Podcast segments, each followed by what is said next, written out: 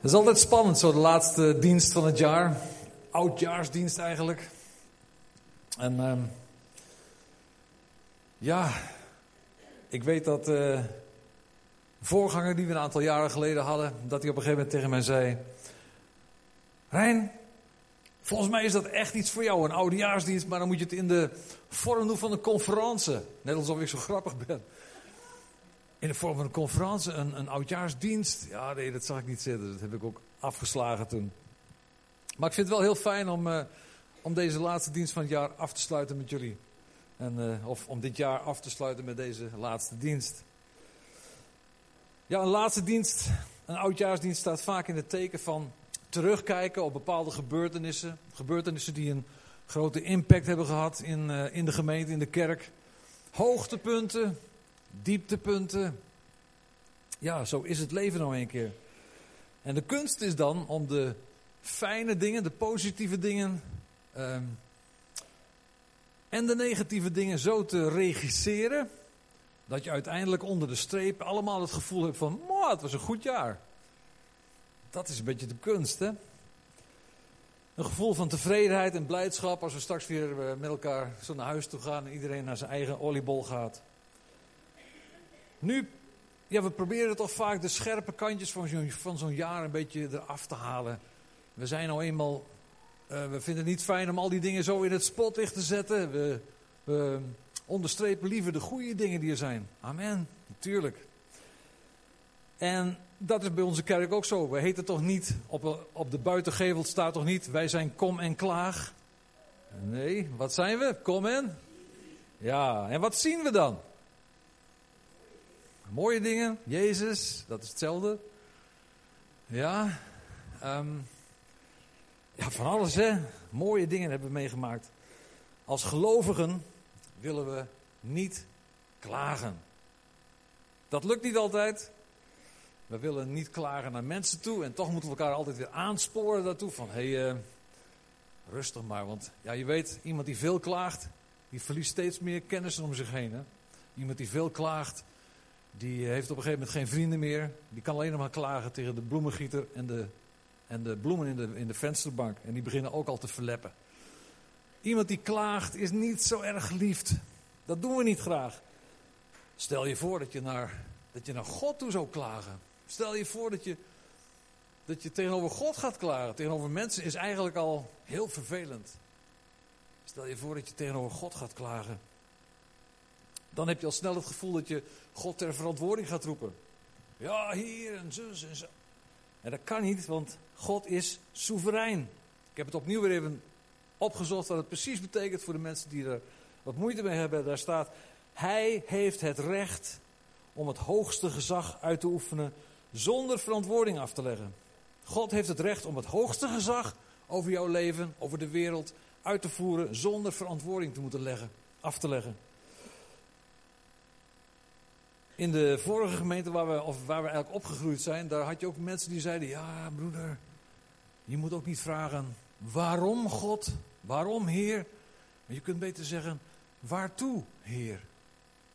Dan moest ik er even over nadenken. Waarom, Heer, mocht je niet zeggen. Waartoe, Heer, moet je dan zeggen. Waar leidt het heen? Waarom is zoiets zoals ik, ik, ik vraag het toch als een stukje verantwoordelijk. Uh, ik stel u verantwoordelijk ergens voor. Of ik, ik vraag me of u het wil uitleggen, want ik snap er niks van. Waarom heeft u het zo gedaan? Klagen, waartoe? Oké, dia 1. Wie is hier niet groot mee geworden? Waar staat die tekst? Tom maar, waar staat die? Spreuken? Hooglied? Kom op. Kom op, denk erom, want straks komt uh, Matthias en die gaat jullie zulke dingen vragen. Waar staat deze tekst? Die staat op dat tegeltje en verder nergens. Juist. Juist, Jan. Hebben jullie hem ook eh, in, in huis gehad? Of misschien heb je hem nog wel in huis. Iemand die hem in huis heeft, je hoeft je echt niet te schamen hoor. Gehad. Leuk hè? Stond goed hè? Vooral in blauw en wit zo. Vind je niet? Ja, dat kan niet. Nee. Niet klagen, maar dragen en bidden om kracht. Veel mensen hadden hem boven de eettafel hangen, of boven de keukentafel of uh, in de gang. Niet klagen, maar dragen en bidden om kracht. Ja, laten we samen eens lezen Psalm 13.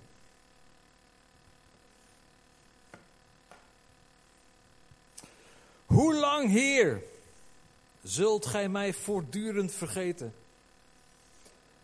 Hoe lang zult gij uw aangezicht voor mij verbergen? Hoe lang zal ik plannen koesteren in mijn ziel en kommer hebben in mijn hart, dag aan dag? Hoe lang zal mijn vijand zich boven mij verheffen? Aanschouw toch en antwoord mij, Heere mijn God, verlicht mijn ogen, opdat ik niet inslaap ten dode. Opdat mijn vijand niet zegt, ik heb hem overmocht. Opdat mijn tegenstanders niet juichen wanneer ik wankel.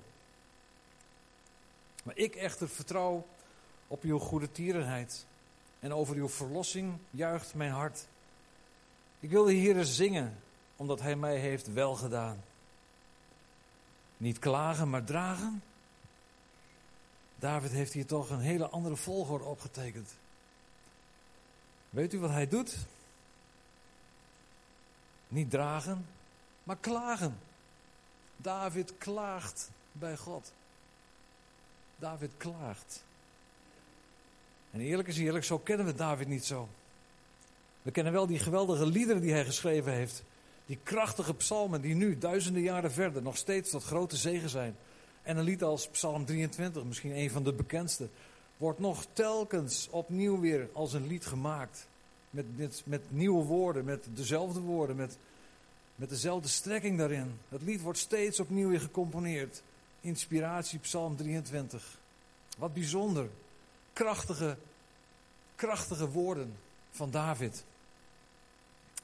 Zo in Psalm 13 kennen we hem niet zo goed. Die, die, ja, die psalmen van David, uh, wij herkennen daar wel heel veel in. Het wordt ook het hart van de Bijbel genoemd, dus ze staan ook zo'n beetje in het midden. Maar ze laten iets zien van het innerlijk van een mens.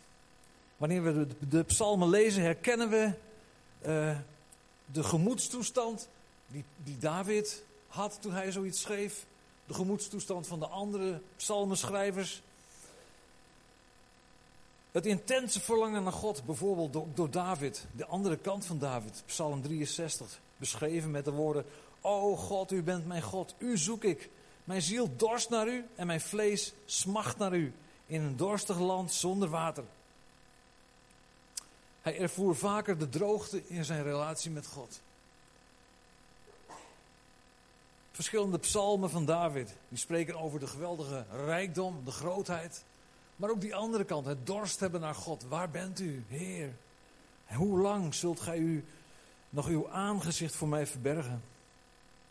Onder welke omstandigheden David deze psalm 13 heeft geschreven. Bij sommige psalmen zie je erboven staan. Toen David zich voordeed als een krankzinnige en hij krapte aan de deuren van, de, van, van het paleis. Of eh, er staan allerlei van die, van die kleine tussen zinnetjes tussen, zodat je weet, oh dat was de situatie waarin David was eh, toen hij deze psalm schreef. Dit was zijn gemoedstoestand. Hier staat verder niks bij. Het kan zijn dat, dat hij het geschreven heeft in een, in een tijd dat hij opgejaagd werd. Maandenlang, misschien wel jaren. Door Saul. Hij was al gezalfd tot koning. Saul zat hem achterna en hij moest zich verbergen. Dag en nacht, altijd op de vlucht. Altijd uh, met die bedreiging dat zijn leven eraan zou gaan. Misschien was het uh, in dat moment dat hij zei: Heer, waar bent u nou? Hoe lang, Heer, verbergt u uw aangezicht voor mij? U ziet me toch? U hebt een plan met mijn leven en, en ik zie er niks van komen. Misschien was het in de tijd van de begeerte, begeerte naar Bathseba. Heer, ik, ik, wil het niet, maar ik kan er bijna niet tegenop. Ik heb het gedaan. Heer, ik ervaar nu zo'n spijt, zo moeite. Het staat er niet. Misschien is het niet belangrijk om te weten, anders had het er vast boven gestaan. Maar David klaagt. David klaagt niet over zijn omstandigheden, maar hij klaagt naar God. Hoe lang zult gij mij vergeten? En hoe lang zult gij uw aangezicht voor mij verbergen? Wat David hier doet, David die geeft ons een blik in het binnenste van zijn hart. Hij is echt, hij is oprecht. Hij begrijpt het niet. Hij toont ons een blik in zijn ziel. Want dat is wat klagen is. Eigenlijk met klagen toon je je diepste gevoelens. Toon je je verlangens. Met klagen. De dubbele laag van klagen is dat je je gevoelens toont en je verlangens. Je zegt het, je uit het. Dat zou ik graag willen. Waarom gebeurt dat niet? Dat wil ik dus graag. Het leven in onze ziel. Je diepste gevoelens en verlangens uiten. Dat doe je in je ziel. En je ziel kun je omschrijven als je persoonlijkheid, als je karakter. Je denken, je voelen, je willen. Dat wat jou tot persoon maakt, dat is je ziel. En in die ziel laat David ons uh, iets, uh, iets zien. En zoals in die psalmen van David laat heel de Bijbel ons verschillende, op verschillende momenten iets zien over die ziel. Er staan in de psalmen heel veel woorden, waar, uh, heel veel teksten waar het woord de ziel in voorkomt. Zomaar eens een aantal psalmwoorden om te ontdekken waar emoties en verlangens met de ziel verbonden worden. Nou, Psalm 13. Hoe lang wordt mijn ziel nog gekweld door zorg? Psalm 16. Waarom, daarom verheugt zich mijn hart en juicht mijn ziel. Dat is de andere kant. Psalm 30. Mijn ziel zal voor u zingen en niet zwijgen. Psalm 31. Mijn ogen zijn gezwollen van verdriet. Mijn ziel en mijn lichaam verkwijnen. Psalm 42, ook zo'n bekende. Zoals een hinde verlangt naar water, zo smacht mijn ziel naar u, o God. Psalm 42, mijn ziel dorst naar God. Psalm 42, weemoed vervult mijn ziel. 43, wat ben je bedroefd, mijn ziel, en onrustig in mij. Psalm 62, zoek rust, mijn ziel, bij God alleen. Van hem blijf ik alles verwachten. Nou, zo gaat het nog een hele tijd door. Ik heb er een aantal zo genoemd nu. Nogmaals, was David een klager? Nee, maar David had ook zo zijn momenten. Blijkbaar is hij dus een mens zoals jij en ik. Wij hebben ook zo onze momenten. Op en af. Hoogtes en dieptes. Eb en vloed. Waterstromen, maar ook droogte. Net als wij. En als we dan toch eventjes terugkijken naar het afgelopen jaar. Zoveel moeite, Zoveel pijn hebben we samen te verwerken gehad. Weet u, ik, ik moest eraan denken. Aan de, ehm, in mijn vak, ik ben schilder, ja, ik ben aan het schuren. En dan zeggen ze uit van, doe nou handschoenen aan. Maar ja, als je al 42, 44 jaar in het vak zit en je hebt nooit handschoenen gehad, dan geloof je dat ook wel. Dus je pakt een stukje schuurpier en je, je schuurt over die houten kozijnen en dan ineens, tjak! Oh, dan zit het precies altijd op een verkeerde plek, hè. Altijd daar waar je, waar je het weer nodig hebt. Er zit er weer een splinter in. Ik, heb laatst eens een keer een, flinke splinter erin gehad. En ik kreeg hem er zelf niet uit, maar hij deed me echt. Het was zo op een vervelende plek. Ik denk, ik ga naar de dokter, die haalt het er wel uit. Ah, meneer Rurig, nee, dat doen we niet meer tegenwoordig. Ik zeg, hm? Nee, nee, als de splinter er vanzelf uitkomt, is het prachtig. En anders wordt hij ingekapseld. Ik zeg, blijft hij dan altijd in die, in die vinger zitten? Ja, ja, meneer Rurig. Hij blijft gewoon fijn in die vinger zitten. Er komt een moment, dan heeft u daar geen last meer van. Ik zeg bedankt en tot kijken. Maar echt waar. Ja, zo ging het echt. Nou heb ik gelukkig een lichaam wat geweldig goed functioneert, moet ik eerlijk zeggen. Dus het duurde niet zo lang, toen kwam de... Het ontbijt is al geweest, hè? Toen kwam de pus eruit. En ik liet het nog een paar dagen wegen. En ik drukte hier zo op een gegeven moment op die vinger. En het was ploep. Dan kwam zo'n splinter uit. Ik pakte ze hup, weg. Ha, dat functioneert zo geweldig. Maar het gebeurt dus ook dat je hem er niet uitkrijgt en dan wordt hij ingekapseld. En ik dacht, dat is toch wel een, dat is toch wel een voorbeeld voor wat wij afgelopen jaar hebben meegemaakt. De pijn is nog lang niet allemaal voorbij. En als het niet verdwijnt, dan wordt het wel ingekapseld. Je blijft zitten soms met dingen die je niet begrijpt. En je hebt mensen verloren in je eigen omgeving en dat doet pijn. Maar het wordt ingekapseld. En als het niet weggenomen wordt, dan wordt het ingekapseld door de Heilige Geest. Dan heb je degene op een gegeven moment geen pijn meer van. Je weet dat het er zit en het is een stukje litteken geworden. Maar het doet je geen pijn meer. In die zin, de pijn die je had toen het begon. Het wordt ingekapseld door God. Waterstromen, maar ook droogte. We hebben hele moeilijke diensten, nou, wat moeilijke momenten gehad als gemeente. Maar we hebben ook geweldige diensten gehad. Ik heb gehoord, ik zal het eerlijk zeggen, ik heb gehoord van mensen die zijn weggegaan, die hebben gezegd: God is hier niet meer. God is hier niet meer. Ja, hoe ze erbij komen, je moet het maar durven zeggen. Maar ik zeg, we hebben geweldige diensten gehad. De zalving van God was over deze gemeente. We hebben echt hele bijzondere diensten gehad waarin de werking van de Heilige Geest bijzonder was. God is hier. Hij gaat door met zijn werk. Amen. Ik geloof ik direct. God is begonnen met zie en hij maakt het ook af. Wat mensen ook doen en hoe het ook zal zijn, uiteindelijk zal er één grote overwinning zijn. Niet alleen hier, maar ook bij de mensen die weg zijn gegaan. Echt, eerlijk waar. God gaf zijn zalving, alsof hij wilde zeggen: Ga door, ik ben bij je. Hoogtes en dieptes. Maar als we bidden voor bepaalde situaties. En ja, God, God geeft. Um, geeft. Uh, nee, God, God beantwoordt op dat moment niet direct ons specifieke gebed op de manier wat wij in gedachten hadden. Dan kunnen we dat ervaren als een afwijzing. Of je denkt van, God luistert er niet naar. Of, of ik begrijp het niet, ik, ik, ik kan dat niet vatten. En we ervaren dat als afwijzing of als stilte. Stilte van God. Hij is niet meer met mij bezig. Hij hoort me niet meer. David ervoer ook de stilte van God in Psalm 13. Soms, dat lees je hier niet zo, maar soms kun je daar zelf debet aan zijn. Daar kun je zelf aan meegewerkt hebben. Hoe is het met ons leven? Zijn we nog bezig met de dingen van God? Nemen we nog tijd om bijvoorbeeld uh, ja, stil te worden voor Hem? Om te luisteren naar Hem, om met Hem bezig te zijn? We kunnen zo in beslag worden genomen dat we zelfs niet meer in de rust zijn om God te horen spreken, door Zijn woord bijvoorbeeld. Of misschien staat ons leven wel haaks op Gods bedoeling. Dat kan gebeuren. Misschien wel door de drukte van de dag, door de waan van de dag, door je wordt meegenomen door dat wat er allemaal om je heen gebeurt. En je hebt werk en je hebt dit en dat. En dat kan een gevoel van scheiding brengen. Een gevoel. Ik denk aan 1 Samuel, waar op een gegeven moment staat.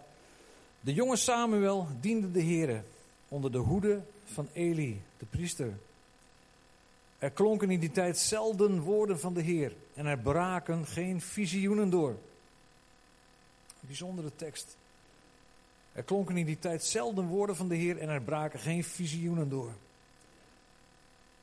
Misschien kwam dat door de thuissituatie van Eli. Eli had natuurlijk een paar hele vervelende jongens. Die hele rare dingen deden in de tempel. Wat absoluut niet mocht. En Eli kon daar niet meer tegenop. Hij, hij, hij strafte zijn kinderen niet. Hij, hij wees niet op hoe het wel moest. Hij liet ze maar hun gang gaan. Ja, en dan spreekt God niet meer. Zijn leven als priester stond ook haaks op de verantwoording die hij had van God gekregen. Aan de andere kant is stilte ook iets wat bij God hoort. Ik moest ook denken aan Elia. Elia die op de berg Karmel uh, de Baal en de Baalpriesters versloeg. God antwoordde met een geweldige kracht, met vuur, met, met rook, met, met ja, een enorme kracht van hem. Elia zag het. Direct daarna vond Elia God.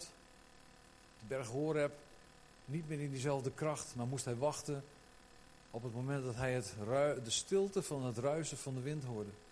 Daarin was God. God openbaarde zich in zijn kracht, in majesteit, ongelofelijke kracht. Aan de andere kant hoorde je alleen het ruisen van een zachte wind. En daarin was God ook. God heeft ook tegenstellingen. God heeft ook verschillende kanten die hij wil belichten. Als er tijden van stilte zijn in onze relatie, ervaren we dat als een moeilijke periode. Zeker. Wat is er heerlijker dan een dynamische uh, ervaring te hebben van dag tot dag. Dat je opge, ja, opgepept, uh, aangeraakt wordt. Gisteren hoorden we weer van iemand die voor het eerst in tongen ging spreken. Zo lang daarna verlangd. En dan bam, ineens was het daar. Geweldig. Dat zijn mooie dingen, daar kun je je verheugen. Is ook voor u trouwens, hè? We kunnen moeilijk omgaan met een, met een stille periode. Bij ons op de thuisgroep, we hebben een van de fijnste thuisgroepen. Een van de elf fijnste thuisgroepen. Zijn we al weken bezig eh, met een studie over, uh, vanuit handelingen, voornamelijk handelingen over bovennatuurlijke krachten. Boekje uh, van Dirk Prins, wat we behandelen. En dat is natuurlijk heel veel teksten uit handelingen. En het was voor de eerste gemeente bijna dagelijkse kost, bijna tussen haakjes normaal om wonderen en tekenen en krachten van God te zien. Er gebeurden hele bijzondere dingen. Nu maken ze bijvoorbeeld nog tekenfilms over mensen die kunnen tijdreizen. Nou, dat was in handelingen al zo. Daar deden ze al een tijdreizen. Filippus was hier en hij doopte iemand en oh, in een wink, hoe heet dat, een, een wink of eye, in een, in een, een knipoog was hij ineens op een andere plaats, in Asdod. Ja, als dat aan mensen vertelt, jong, ja, in onze kerk doen wij aan tijdreizen. Ja, niet in onze kerk, maar in de kerk deden wij aan tijdreizen. Zo. Er gebeurde van alles. Genezing, bevrijding van boze machten, uh, bevrijding uit gevangenissen. Ja, noem het maar op. Geweldige dingen. Maar voor die gemeente was het bijna normale kost. Ze vonden het geweldig natuurlijk. Maar verwonderen, als wij hier een wonder ervaren, ja, dan, dan, dan, dan, moet het, dan komt het in de manna. En dan, dan uh, spreken mensen hier uh, op het podium erover. La, laten we het afspreken dat we dat voortaan altijd zullen doen. Goed? Ja, want er wordt veel te weinig verteld. Want er gebeuren best nog wel hele fijne dingen. En daar hoor je nooit iets over. En dat wil ik anders. Jullie ook? Ha, staat de band recorder aan? Of iets zo'n ding? Band recorder, maar, maar. Oké, oké, oké. Ik ben vanuit de jaren 50. Band recorder. Verschrikkelijk.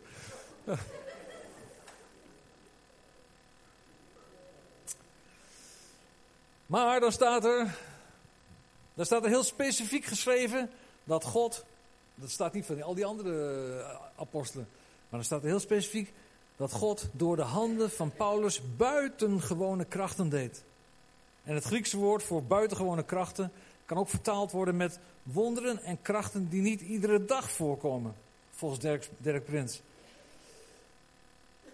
Het is ons gebed en ons verlangen dat God zich op diezelfde manier openbaart. En daar verlangen we ook naar. Daar werken we naar, ook bij ons in de, in de thuisgroep. Daar bidden we voor en wij oefenen daarin. We leggen mensen de handen op. We bidden voor, voor, voor uh, genezing, voor, ja, voor krachten, voor wonderen en tekenen. En wij geloven daarin dat God dat, dat wil gaan doen, want hij is niet veranderd. Hebreeën 13 vers 8. Jezus Christus is gisteren en heden dezelfde, tot in eeuwigheid. U kent die tekst allemaal uit uw hoofd. Hebreeën 13 vers 8. Maar, uh, hoe ging die? Christus is gisteren en heden dezelfde tot in.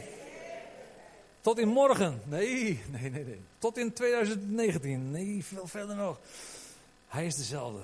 Nou, het is ons verlangen dat God ons op die manier wil gebruiken. Naast het feit, want dat, dat benadrukken we ook altijd. Mensen komen niet alleen maar tot geloof doordat ze de wonderen en de tekenen zien. Want er staan ook dingen in de Bijbel dat mensen uh, wonderen ervaren. En dan kijken ze naar en zeggen oké, dat is fijn. Dan zijn ze weer weg. Dat gebeurt ook.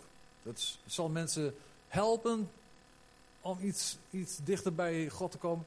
Maar de vruchten van de, van de geest in u, de vruchten van de geest in ons, die doen het uiteindelijk een prachtig werk. Dat moeten we niet vergeten. Die, die twee dingen. Ah, we bidden op de thuisgroep al jaren voor Greetje bijvoorbeeld. Voor haar moeite, voor de, die, die, nacht in, nacht uit, die, die, die waan, die, die, ja, wat zijn het? Ah, hele rare, gekke dromen. En we hebben er alles mee gedaan. Um, we hebben geprobeerd, we hebben geprobeerd, we hebben proberen uit te zoeken waar het van komt. We komen er niet uit, maar we bidden voor haar. En iedere morgen leg ik haar ook de handen op. En bezegen ik haar in de naam van Jezus. En heel langzaam, heel langzaam, nu na vijf jaar, naast alle andere moeites, komt er een heel klein beetje meer ruimte. En we blijven daarvoor bidden.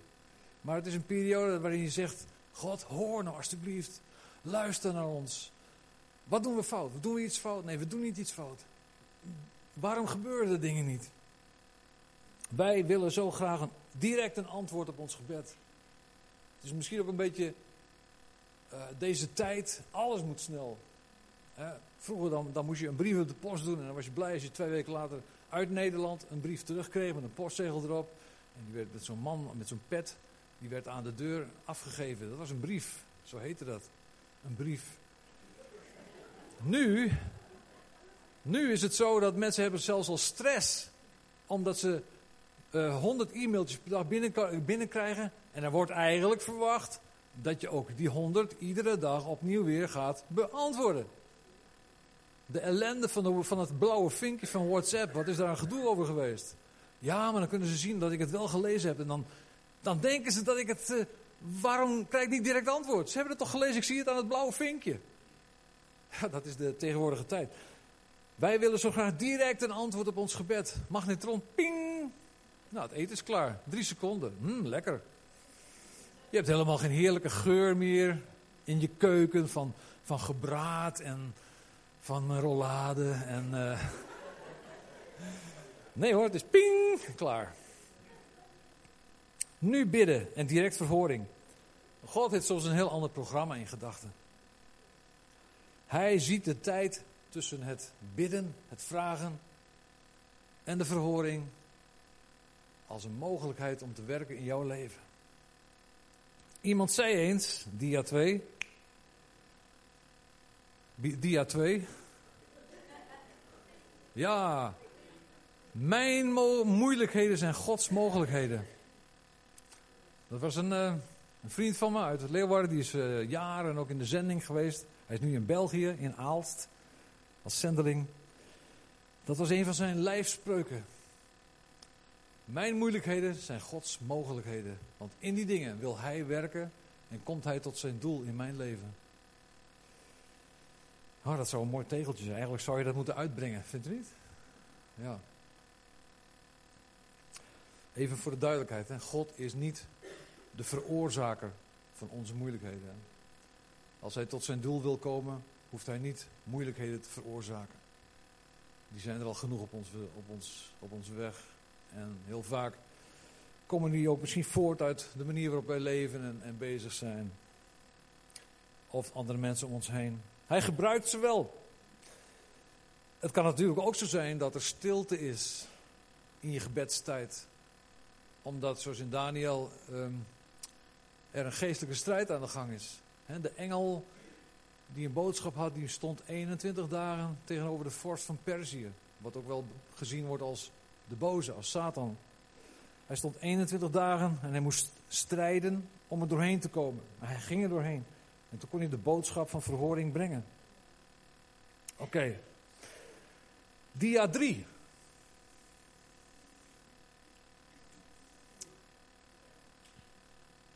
Ja, nu gaat, nu gaat het beter worden. Nu gaat het beter worden. We gaan terug naar David. David wist wat het betekende om te vrezen voor zijn leven. Hij wist wat het betekende om op de vlucht te zijn, om nachten niet te kunnen slapen, om alle ellende om zich heen te zien en, en achtervolgd te worden, tot de dood erop zou volgen. Hij was zijn leven niet zeker. Hij was dag in dag uit, nacht in nacht uit op de vlucht. Zo iemand als David schrijft geen goedkope psalmen, geen goedkope teksten. Maar die zijn doorleefd. En je kunt zien in die teksten dat iemand geworsteld heeft in het leven. Geworsteld. Vanuit dat lijden, dat hij dus uit eigen ervaring kent, uit hij zich vanuit zijn ziel naar God. Hoe lang nog, Heer, zult u mij vergeten? Want zo voelt David het van binnen. Hoe lang verbergt u uw aangezicht? Ziet u mij niet? Kijkt u niet naar me om? Er is zoveel waardoor hij lijdt. Eenzaamheid, tegenslag. Zou God nog wel bij hem zijn? Zou God nog wel kijken naar David? David kende uit nummer 6 die uh, hoge priestelijke zegen. Zou het nog wel waar zijn? De Heere zegent u en hij beschermt u. De Heer doet zijn aangezicht over u lichten. Zou het waar zijn? David heeft het misschien wel gedacht. Heere God, die zegen die over ons, die over mij is uitgesproken. Geldt die nog wel? Heeft hij nog zeggingskracht? Heeft hij nog zeggingskracht? Telt het nog? Ik zie het niet, oh God. Waarom verbergt u uw aangezicht?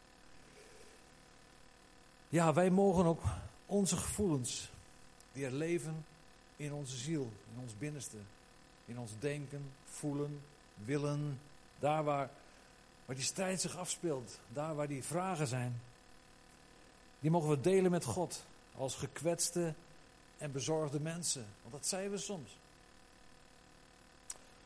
Het is zo moeilijk om alleen verder te moeten gaan met frustratie en teleurstelling, om dat te moeten dragen. Om om te gaan met de vijand van boosheid die op me afkomt. Om de vijand van teleurstelling. Het afgelopen jaar zoveel op me afgekomen. Als een vijand. Hoe lang red ik het nog? Alles wat leeft in mijn ziel mag worden uitgesproken naar God.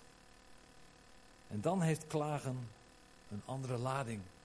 Als het doorleefd is en je zegt van, oh God, dit leeft er in mij. En waarom hebt u niet omgezien? Ik begrijp het niet, oh God. En vanuit onze klacht mogen we God vragen om ons te helpen. En wil Hij het donker in licht veranderen. Zoals eh, Psalm, of, uh, Psalm 13, vers 4 het zegt. Aanschouw toch en antwoord mij, Heere mijn God. Verlicht mijn ogen, opdat ik niet inslaap ten dode. Opdat mijn vijand niet zegt, ik heb hem overmocht, ik heb, ik heb hem overwonnen. Opdat mijn tegenstanders niet juichen wanneer ik wankel. De duivel, de wereld, ons zwakke vlees. We mogen de, roep, de, de hulp van God inroepen. We mogen vragen, Heer wil het donker in licht veranderen. Wilt u onze vijanden verslaan? Wilt u het doen? Dan gaan we vanuit die klacht, vanuit het klagen, gaan we naar vragen. God wil niet dat we ten onder gaan in de strijd, maar dat we zullen schuilen in de overwinning van Jezus Christus. We gaan van klagen naar vragen. En dan, als we ons hebben uitgesproken vanuit onze ziel en ons binnenste hebben blootgegeven en God om hulp hebben gevraagd, dan komt de Heilige Geest ons te hulp. Dus daarom vragen, Heer, verander die donkerheid in licht. Verander het. En doe het omkeren. Laat mijn situatie niet meer zijn zoals het was. Kom met de hulp, oh God. Kom met de hulp, Heilige Geest. En Hij bemoedigt om weer te vertrouwen op Zijn goede tierenheid. En om weer te juichen over Zijn verlossing. Zoals de laatste versen van Psalm 13 het zeggen. En nu staan we voor een nieuw jaar. Wat gaat het ons brengen? Toen we vorig jaar, vlak voor het nieuwe jaar stonden, hadden we vast niet kunnen denken wat ons zo zou gaan bezighouden. We weten het gewoon niet. Het is in de handen van de Heer. 2019, dat kan een jaar worden waarin we elkaar moeten ondersteunen. Waarin we elkaar moeten dragen. Zeker. Dragen in gebed. Dat kan ook een jaar van, van overwinning zijn. En daar geloof ik in. We hebben een jaar gehad van moeite. We hebben een jaar gehad van, van, van ja, sterven aan jezelf eigenlijk. als we dat doen, dan gaat het vrucht dragen. Dat is wat de Heer Jezus zelf zei. Als, je, in de aarde valt en het sterft, dan gaat het vrucht dragen. Als onze moeite en pijn in de aarde is gevallen en het sterft, dan zal het gaan vrucht dragen. We staan voor een nieuw jaar. Laat los dat je alles zelf moet dragen. En niet mag klagen, want dat is de fout van, het, van die allereerste dia. Er staat niet klagen, maar dragen en bidden om kracht. Dus je kunt het zo vertalen. Oké, ik klaag niet. Ik accepteer het maar gewoon wat me overkomt. Ik draag het wel. En dan zien we wel wat er van komt. Ik moet het dragen. Dat is eigenlijk wat, die, wat, wat dat verkeerde tegeltje zegt. Weg ermee. Jij hebt hem al weggedaan. Tegeltje. Goed zo. Ik, bel je vanavond nog een keer op. Tegeltje, dat is niet goed. Niet klagen, maar dragen. Uh, David heeft ons laten zien dat het anders kan. Klaag. Klaag bij God. vanuit de pijn, vanuit de moeite. Dat mag je doen bij Hem. Hij is je vader. Hij is je hemelse vader. We hoeven niet te denken van, oh maar dat mag niet en dit en zus. Je kunt beter vragen, waartoe Heer? Maar jongens. We staan voor een nieuw jaar. Laat los dat je alles zelf moet dragen en niet mag klagen. Als God toelaat in ons binnenste, gaan we hele mooie nieuwe dingen zien. Maak hem Heer van je ziel. Deel met hem dat wat in je hart is. Echt, deel met hem de moeite, de pijn. En, en, en schreeuw het uit naar hem. Schreeuw het maar uit naar God. Ik heb dat ook eens gedaan. Jaren geleden. Ook in de situatie met, met, met Greetje. Dat, het was zo moeilijk. En ik begreep het ook niet meer. Toen zei ik, God, het, moet veranderen. Nu op dit moment. En ik was kwaad. Ik was, nou, ik weet niet, kwaad met de situatie misschien, maar ik riep het uit naar God. En zo moet het gebeuren. En het gekke was dat het ook zo ging gebeuren. Echt, daar stond ik verbaasd om te kijken. Eh, begrijp me goed, ik, het is niet dat dit dagelijkse ritueel voor mij is. Ja. Dat absoluut niet, want daar heb ik ook schroom voor. Maar er zijn momenten, dan wil je het uitschreeuwen naar God. En weet u, Hij is een vader. Hij begrijpt jouw pijn, Hij begrijpt jouw schreeuw, Hij begrijpt je moeite. Maar Hij wil, hij wil, ja, hij wil dat je van klagen naar vragen gaat. En vanuit het vragen komt de hulp van de Heilige Geest. En dan word je gedragen. Klagen, vragen, dragen. Dat wil God doen. En dat is zo mooi dat hij dan ook ehm, het niet alleen maar laat bij het, het, het geven van zulke psalmen. Maar dat hij zijn, zijn hulp, zijn, zijn overwinning aangeboden heeft. En dat vieren we vandaag opnieuw weer. Het zijn geen loze woorden. God is een helper, groot van kracht. Zegt het Oude Testament ergens. Hij is een helper, groot van kracht. Misschien dat de, de helpers ook naar voren willen komen. We gaan zo meteen avondmaal vieren. En daaruit blijkt dat God er alles aan gedaan heeft. Om u en mij uh, door het leven heen te helpen. Kracht te geven, overwinning te geven. Er zijn een aantal mensen die delen het avondmaal uit. En tegelijkertijd zijn er ook mensen die willen, um, ja, die willen de teksten uitdelen. Dus iedereen, ook de mensen die geen avondmaal vieren, of het nog niet willen, of weten er staan dingen tussen mij en God. En die laat het overslaan. Kom naar voren, neem een tekst. Er zijn mensen die het uitdelen, groepsleiders. En uh, u wordt uitgenodigd om het avondmaal te nemen en ook een tekst mee te nemen. En geloof erin, God wil u bemoedigen, ook door deze tekst heen, door dit woord heen. Het zal niet ledig terugkeren, dat is een belofte van God over het woord van Hem, over Zijn woord.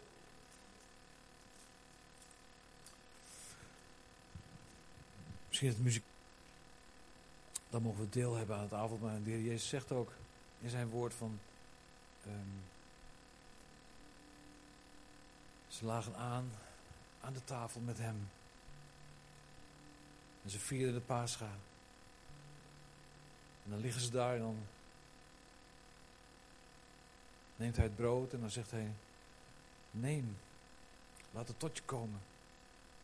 Heb deel eraan, laat het vermalen in je mond. Want zo is mijn lichaam ook vermaald. En ik heb het gedaan voor jou, ik heb het gedaan om jou. Na de maaltijd heeft hij de beker genomen. Hij heeft gezegd: Dit is het verbond in mijn bloed. Een nieuw verbond geef ik je. Een verbond waarin de, de liefde voorop staat. Een verbond niet geschreven op tafelen van klei, maar een verbond van wat geschreven is met het bloed in jouw hart. Je mag binnenkomen in het koninkrijk van, van de hemel. Heb deel aan brood, heb deel aan wijn.